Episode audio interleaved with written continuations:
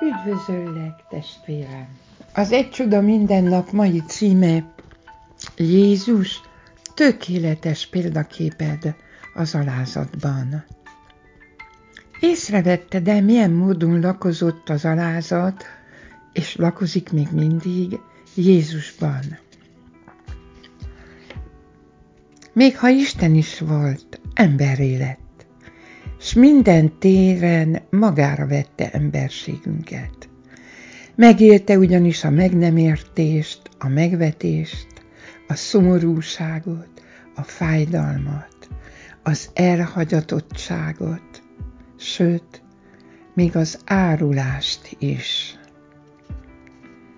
Nem csak, hogy emberré lett, de az emberek szolgájává is sőt odáig ment el, hogy megalázta magát előttük.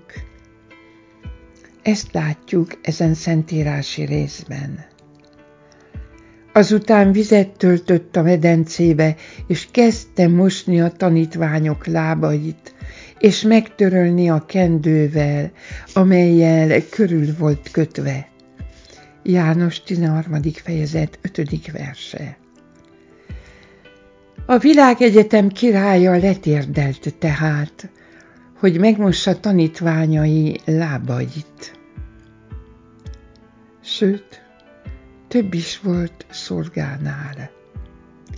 Rabszolgává akart lealacsonyodni, és elfogadta, hogy igazságtalan terhet hordozzon, bűneink súlyát keresztre szügezve.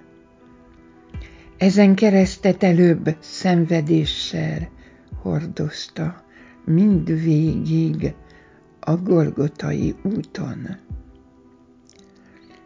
Egy az emberek között szívében szép magatartásról tanúskodott, és minden Istentől kapott kis dologért hálás volt.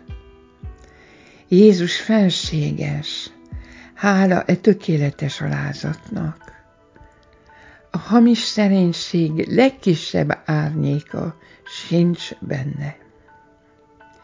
Micsoda példa ez számunkra, testvérem! Istenünk az egyik lehető legjobb tulajdonsággal rendelkezik, az alázattal. Végy hát példát alázatosságáról, hogy így nap mint nap jobban hasonlíts Rea. Köszönöm, hogy vagy.